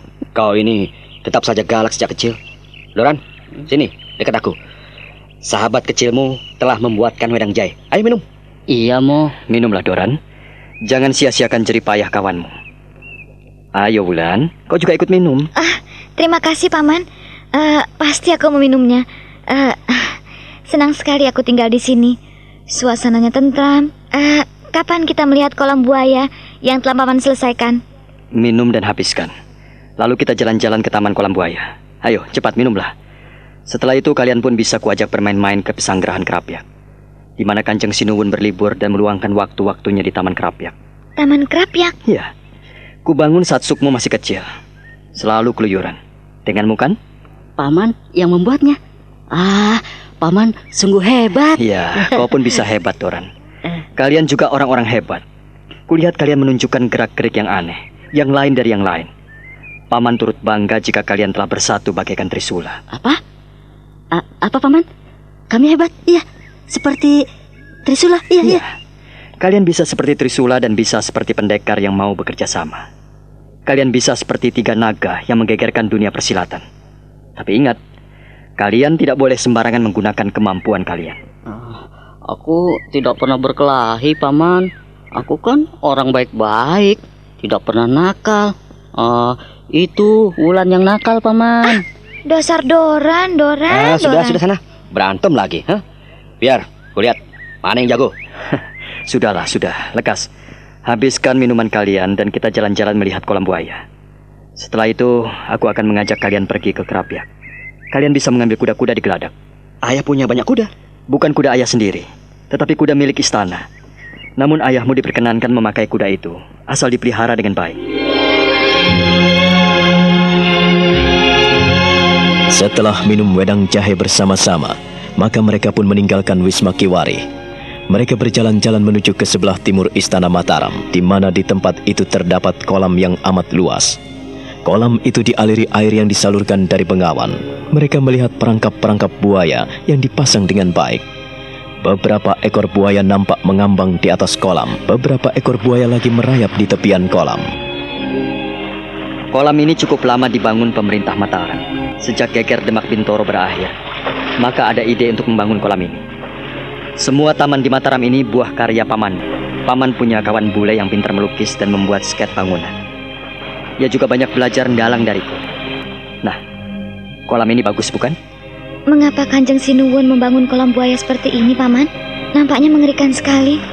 Lihatlah, buaya-buaya besar itu. Mereka bisa mencelakakan orang yang masuk ke dalamnya. Selain untuk taman kebun binatang, kolam buaya ini juga direncanakan untuk menghukum para durjana. Untuk tempat hukuman? Ya, apabila terdapat durjana yang mengacau Mataram, maka ia akan diikat kakinya, digantung di bambu, lalu ia akan diturunkan ke dalam kolam ini. Buaya-buaya yang lapar akan menyambutnya. buaya-buaya itu akan mencabik-cabik Durjana itu. Mengerikan. Oh, mengerikan sekali, Paman. Ih, aku aku tak mau menjadi durjana. Eh, Apakah semua ini ide ayah? Juga seperti halnya pesanggrahan Kapyak? Untuk ide membuat taman memang dari ayah, tetapi ide untuk tempat hukuman adalah gagasan dari Kanjeng Sinuwun bersama Pangeran Mangkubumi. Apakah selama ini ada yang diceburkan ke dalam kolam, Paman? Tidak, karena Dewan Peradilan Istana Mataram belum pernah menjatuhkan hukuman seperti itu. Para mufti tentu saja mempertimbangkan sejauh mana berat ringannya hukuman bagi orang-orang yang melakukan kesalahan ini. Hanya orang-orang yang suka membunuh sesamanya dan mencelakakan sesamanya yang pantas mendapatkan hukuman mati dan dihukum di kolam buaya ini. Kalau bisa, ayah harus menghindarkan orang-orang yang dihukum di kolam ini. Mengerikan sekali dan tidak berperi kemanusiaan. Ya, sepintas selalu memang demikian. Tetapi bagaimana apabila kau memperhatikan para pemberontak macam Pangeran Puker, Pangeran Joyorogo, dan para durjana lainnya? Mereka pantas dihukum mati. Wulan dan Doran hanya bisa mengangguk-angguk mendengarkan penjelasan Kiwari. Hanya Sukmo yang nampak termenung. Ia belum mengerti sepenuhnya apa yang disampaikan Kiwari, ayahnya. Ia memperhatikan seekor buaya yang mengangal lebar, memamerkan taring-taringnya. Dengan moncongnya yang lebar, amat ganas dan mengerikan. Ayah, aku sungguh tak menyangka dan tak percaya apabila di Mataram ada tempat penghukuman seperti ini. Aku ikut merasa bersalah, anakku. Tetapi barangkali apa yang diusulkan Kanjeng Pangeran Mangkubumi pada Kanjeng Sinuwun ada benarnya juga. Mengapa begitu, Paman? Tentu saja, sebab dengan diampuninya Pangeran Puker dari pemberontakan Demak Bintoro beberapa waktu yang lalu, kembali Kanjeng Sinuwun diremehkan oleh Pangeran Jayorogo. diremehkan. Iya, Doran. Kanjeng Sinuwun selalu diremehkan oleh saudara-saudara tuanya. Ia cukup bijaksana, pemaaf dan pengampun. Tetapi kebijakan, kelembutan dan kemurahan Kanjeng Sinuwun disalahartikan oleh saudara-saudara tuanya. Terutama dari putra-putra Kanjeng Sinuwun Senopati almarhum dari para selir. Kapan perebutan tahta ini berakhir, ayah? Ayahmu pun tidak tahu kapan perselisihan dan perebutan tahta ini berakhir. Tetapi menurutku, keserakahan dan kemurkaan tidak pernah berakhir. Selama masih ada angin berhembus, di sanalah manusia terduduk untuk merencanakan angan-angan dan hayalan. Aku sendiri hampir terjerumus dalam kubangan hitam, Paman. Syukurlah jika Yang Maha Kuasa masih melindungimu.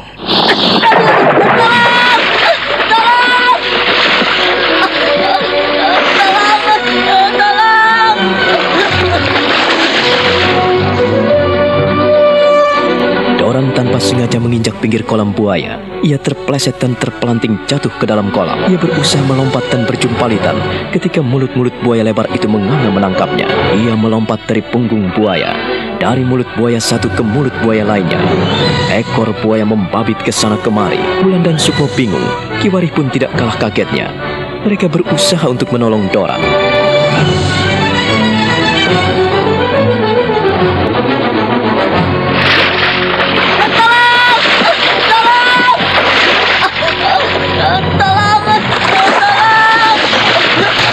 Kita harus menolongnya. Apa yang harus kita lakukan? Oh, kita mungkin terjun ke dalam kolam ini. Bagaimana ini, Sukmo? Aku akan menolongnya.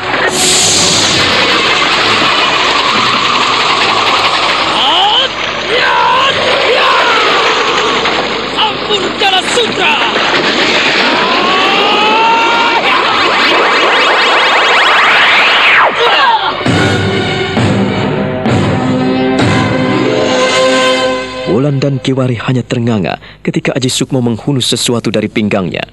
Mereka melihat kilatan benda yang sangat menyilaukan. Benda itu menyinarkan sesuatu yang aneh. Dan Sukmo sekali menyabetkan dan menyamparkan benda di tangannya itu. Sekonyong-konyong benda itu menyabet dan membelit Doran yang ada di dalam kolam buaya. Serta merta Sukmo membetot dan menarik Doran yang telah terlilit sampur jala sutra itu. Dan dengan cepat pula, Aji Sukmo melilitkan sampur jala sutra di pinggangnya saat Doran terduduk tak berdaya di tanggul kolam.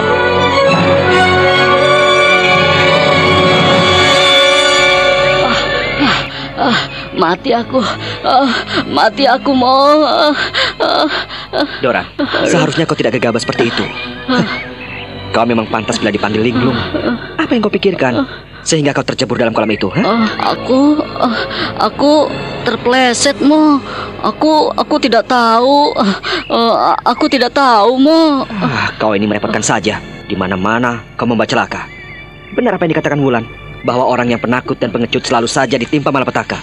Eh, Doran, kau tidak apa-apa? Ya, kau tidak apa-apa, Doran. Aku tidak apa-apa, Wulan, Paman.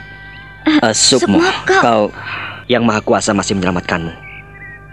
Apabila Yang Maha Kuasa tidak mengulurkan tangan kasihnya kepadamu, tentu kau sudah dicabik-cabik oleh buaya-buaya lapar itu. Sudah, bangun. Terima kasih, Mo. Eh, terima kasih. Maafkan eh, keteledoran eh ke keteledoranku, ya, Mo. Bangkitlah, dan jangan kau tunjukkan lagi sifat pengecutmu. Aku paling tidak suka melihat teman penakut. Sukmo, kau jangan marahi dia. Apakah kau lupa? Dia memang penakut, Bulan. Ah, hampir saja dia mampus dimakan buaya-buaya liar itu. Tapi kau telah menyelamatkannya. Eh, kau, Sukmo, aku tidak salah lihat. Apa ayahmu tidak salah lihat, Nger? Apa yang kau impikan, kau dapatkan, Sukmo. Anakku, apakah itu yang dinamakan Sampur Jala Sutra? Ah, ayah, Wulan, dan kau Doran, kumohon jangan membuka rahasia ini pada siapa pun juga. Inilah yang dinamakan pusaka Sampur Jala Sutra. Yang Maha Kuasa telah memberikan pusaka ini kepadaku. Kau akan menjadi pendekar sejati, anakku. Apabila kau bisa memelihara dua pusaka impianmu itu, pusaka yang kau impikan sejak kecil. Ah, ayah, kumohon ayah merahasiakan rahasia ini pada siapa pun juga. Sebab tak seorang pun boleh tahu kalau aku memiliki kedua pusaka itu. Sukmo, ah, kau sungguh luar biasa. Kau sekarang tidak perlu mimpi lagi. Tibalah saatnya kau menjadi penegak keadilan untuk meluruskan kebenaran. Ah, Sukmo, Ah, terima kasih. Keberhasilanku juga karena bantuan darimu, Wulan. Darimu, Doran, dan ayah. Kau pun andil begitu besar dalam hidupku. Ayahmu tidak mampu melakukan apa-apa, anakku. Kau sendirian telah bertekad untuk mendapatkan segalanya. Ayahmu ini apa? Ayahmu ini ibarat sampah. Hah, Ayahmu tak mampu mendidikmu. Ayahmu tak mampu menjagaimu. Kiwarih tak mampu melanjutkan kata-katanya. Ia tubruk anaknya dan ia peluk. Wulan dan Doran terharu menyaksikan anak dan bapak itu saling berpelukan. Kiwarih memang sedih sekali. Sebab kini ia teringat pada istrinya yang ada di kampung Goa di rumah Nyai Prada. dan kau memang tak akan pernah kembali, kakak. Melupakan aku. Kau tak mau memaafkan aku. Kakang Wari, aku sangat mencintaimu. Aku sangat mengasihimu. Tapi, tapi mengapa kau tidak memaafkan aku, kakak? Aku tidak akan pernah memaafkanmu karena kau telah berlaku selingkuh. Maafkan aku Nini, apabila aku tidak kembali ke sini. Nyalakanlah dupa dan taburkanlah kembang. Bacalah doa-doa untuk arwahku. Barangkali aku telah mati di dalam peperangan di Mataram. Aku harus pergi aku harus pergi.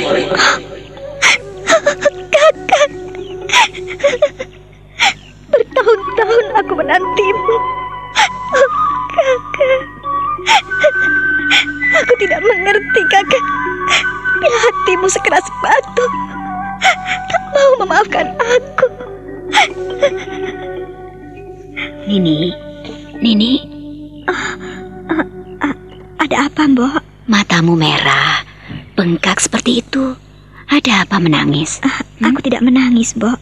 Aku aku melihat ah, burung-burung yang berterbangan di angkasa. Lihatlah, Mbok. Mereka berterbangan di langit. Kau tidak berbohong pada simbokmu. Kau tidak berbohong, Dok. Iya, simbok tahu kau memikirkan suamimu. Mbok, Ah, Sudahlah, jangan terlalu berat memikirkan suamimu. Mari, kita susul prihatin dan kakeknya di sawah. Kau tidak ingin menengoknya? Eh, dia itu sekarang sudah pintar membantuku, membantu kakeknya, mencabuti rumput dan menyiangi padi. Ayo, kita menyusul ke sawah. aku lagi tidak enak badan, Mbok. Jangan begitu, Simbok tidak suka. Kau ini selalu menyendiri seperti ini. Badanmu jadi kurus, Nini. Jangan seperti ini. Dengarkan Simbok, Dok. Mengapa semua ini harus kualami, Mbok? Aku tidak mengerti. Dan apa yang kucemaskan selama ini? semuanya terjadi. Kakang Wari benar-benar telah melupakan aku. Bu. Wari tidak akan pernah melupakanmu. Kau percaya pada Simbo? Hmm? Simbo.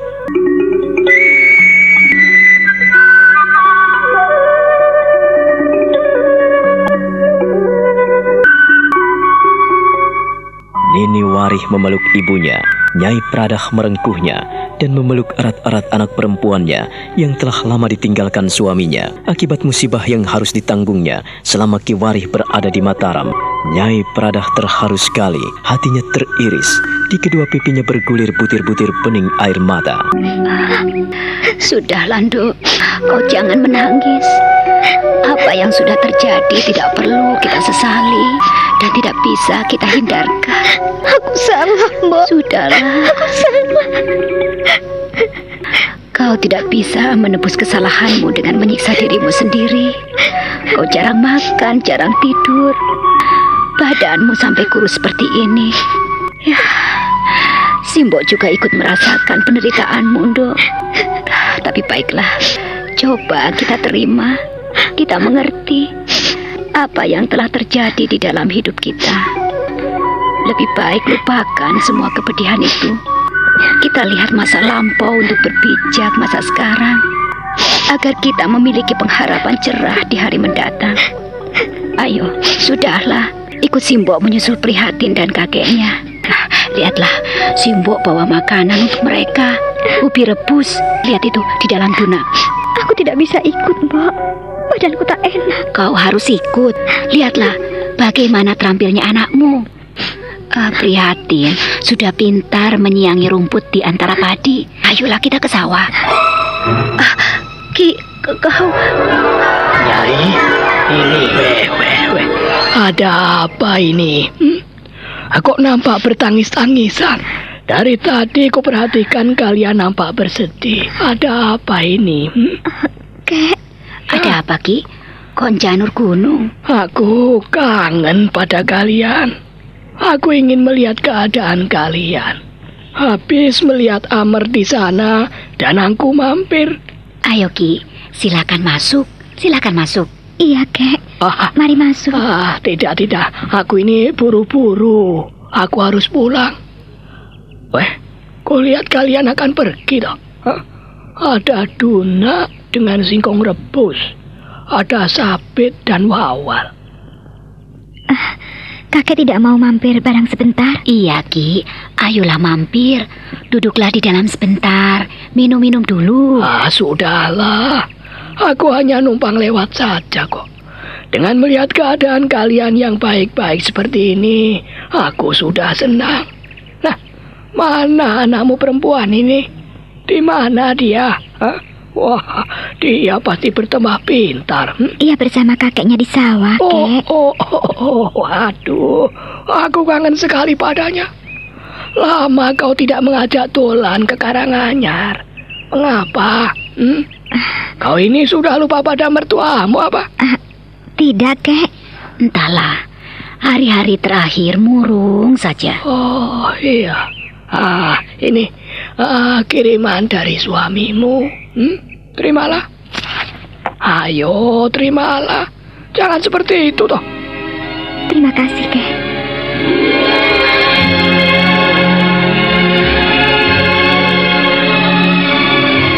Hmm, ada apa?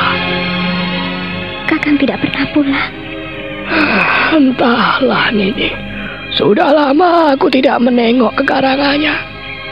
Ia hanya mengirimkan uang itu melalui kawannya. Ya, kiriman itu selalu dikirimkan oleh Ronto atau Janur. Mereka berganti-ganti. Aku tidak mengerti mengapa ia tidak pernah pulang ini. Ya, barangkali pekerjaannya masih banyak di sana. Hmm? Kalau pulang, beritahu saya ya, Kek. Saya ingin bertemu padanya. Saya kangen sekali, Kek. Eh, ia melantur kalau bekerja keras. Lupa waktu. Hmm. Ah, sudah bertahun-tahun ia tidak menengok ayah dan ibunya. Ya, sudahlah. Sana, kalian pergi ke sawah. Aku akan pulang. Nah, ayo, Nuk, Nyai. Aku pulang dulu. Salam untuk Adi Prada dan Prihatin ya. Iya, iya, iya, Kek. Nini Warih memperhatikan punggung mertuanya yang tanpa baju. Lelaki tua itu masih nampak kukuh dan sehat.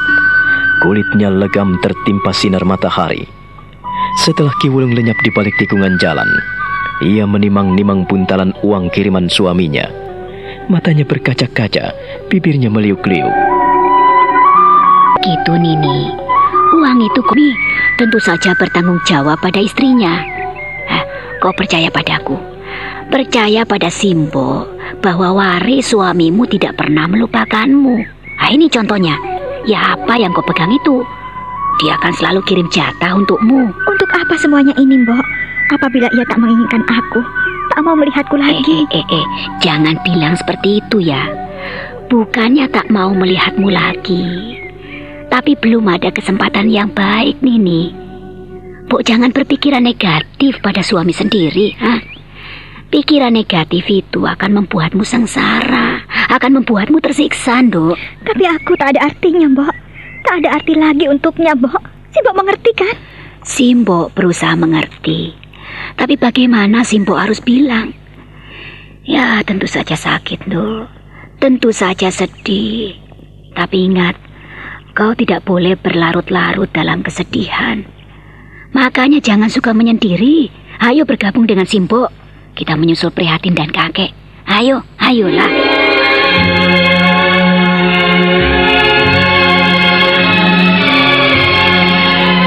Nini Warih akhirnya menurut Nyai Pradah saat tangannya diseret. Nyai Pradah membungkuk dan menyambar dunak yang ada di tanah, lalu menggendongnya. Sementara tangan kanannya menyeret anak perempuannya, mereka menuju ke sawah, menyusul Ki Prada dan Prihatin.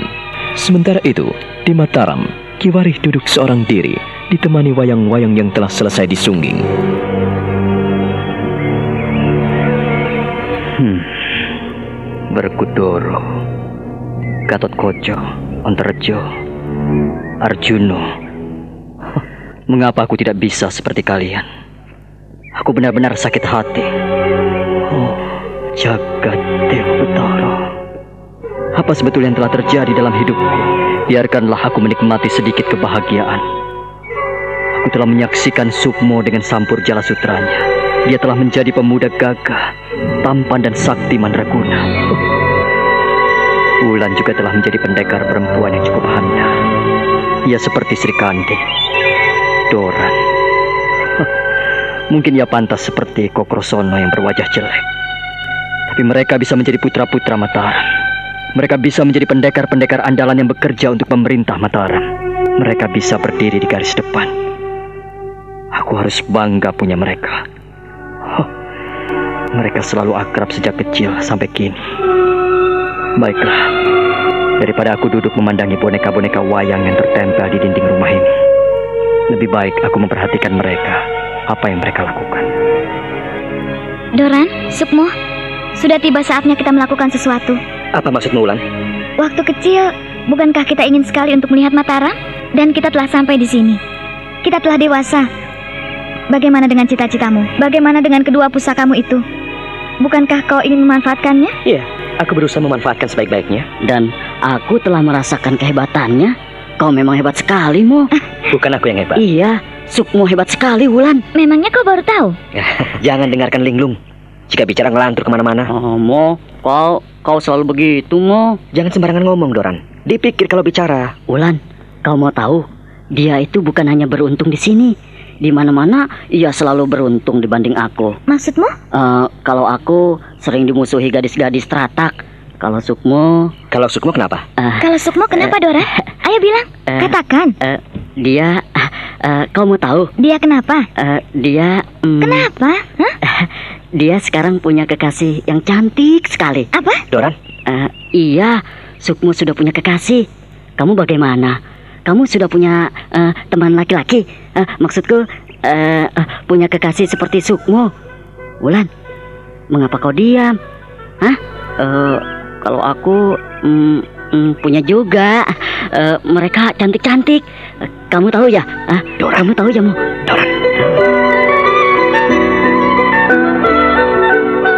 Sukmo melotot pada Doran. Tetapi pemuda linglung itu tidak mau mengindahkannya. Hati Aji Sukmo tercabik saat melihat Wulan nampak sedih sekali ketika mendengarkan berita bahwa Aji Sukmo sudah memiliki seorang kekasih.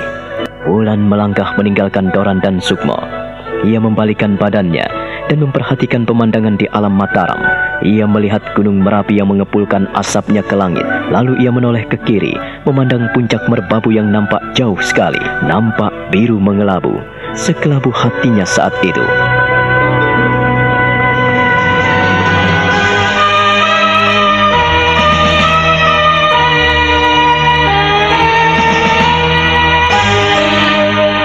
Nah, bagaimana kisah selanjutnya? Saudara pendengar, silakan menunggu seri berikutnya dalam serial Wahyu Astabrata ini. Sampai jumpa.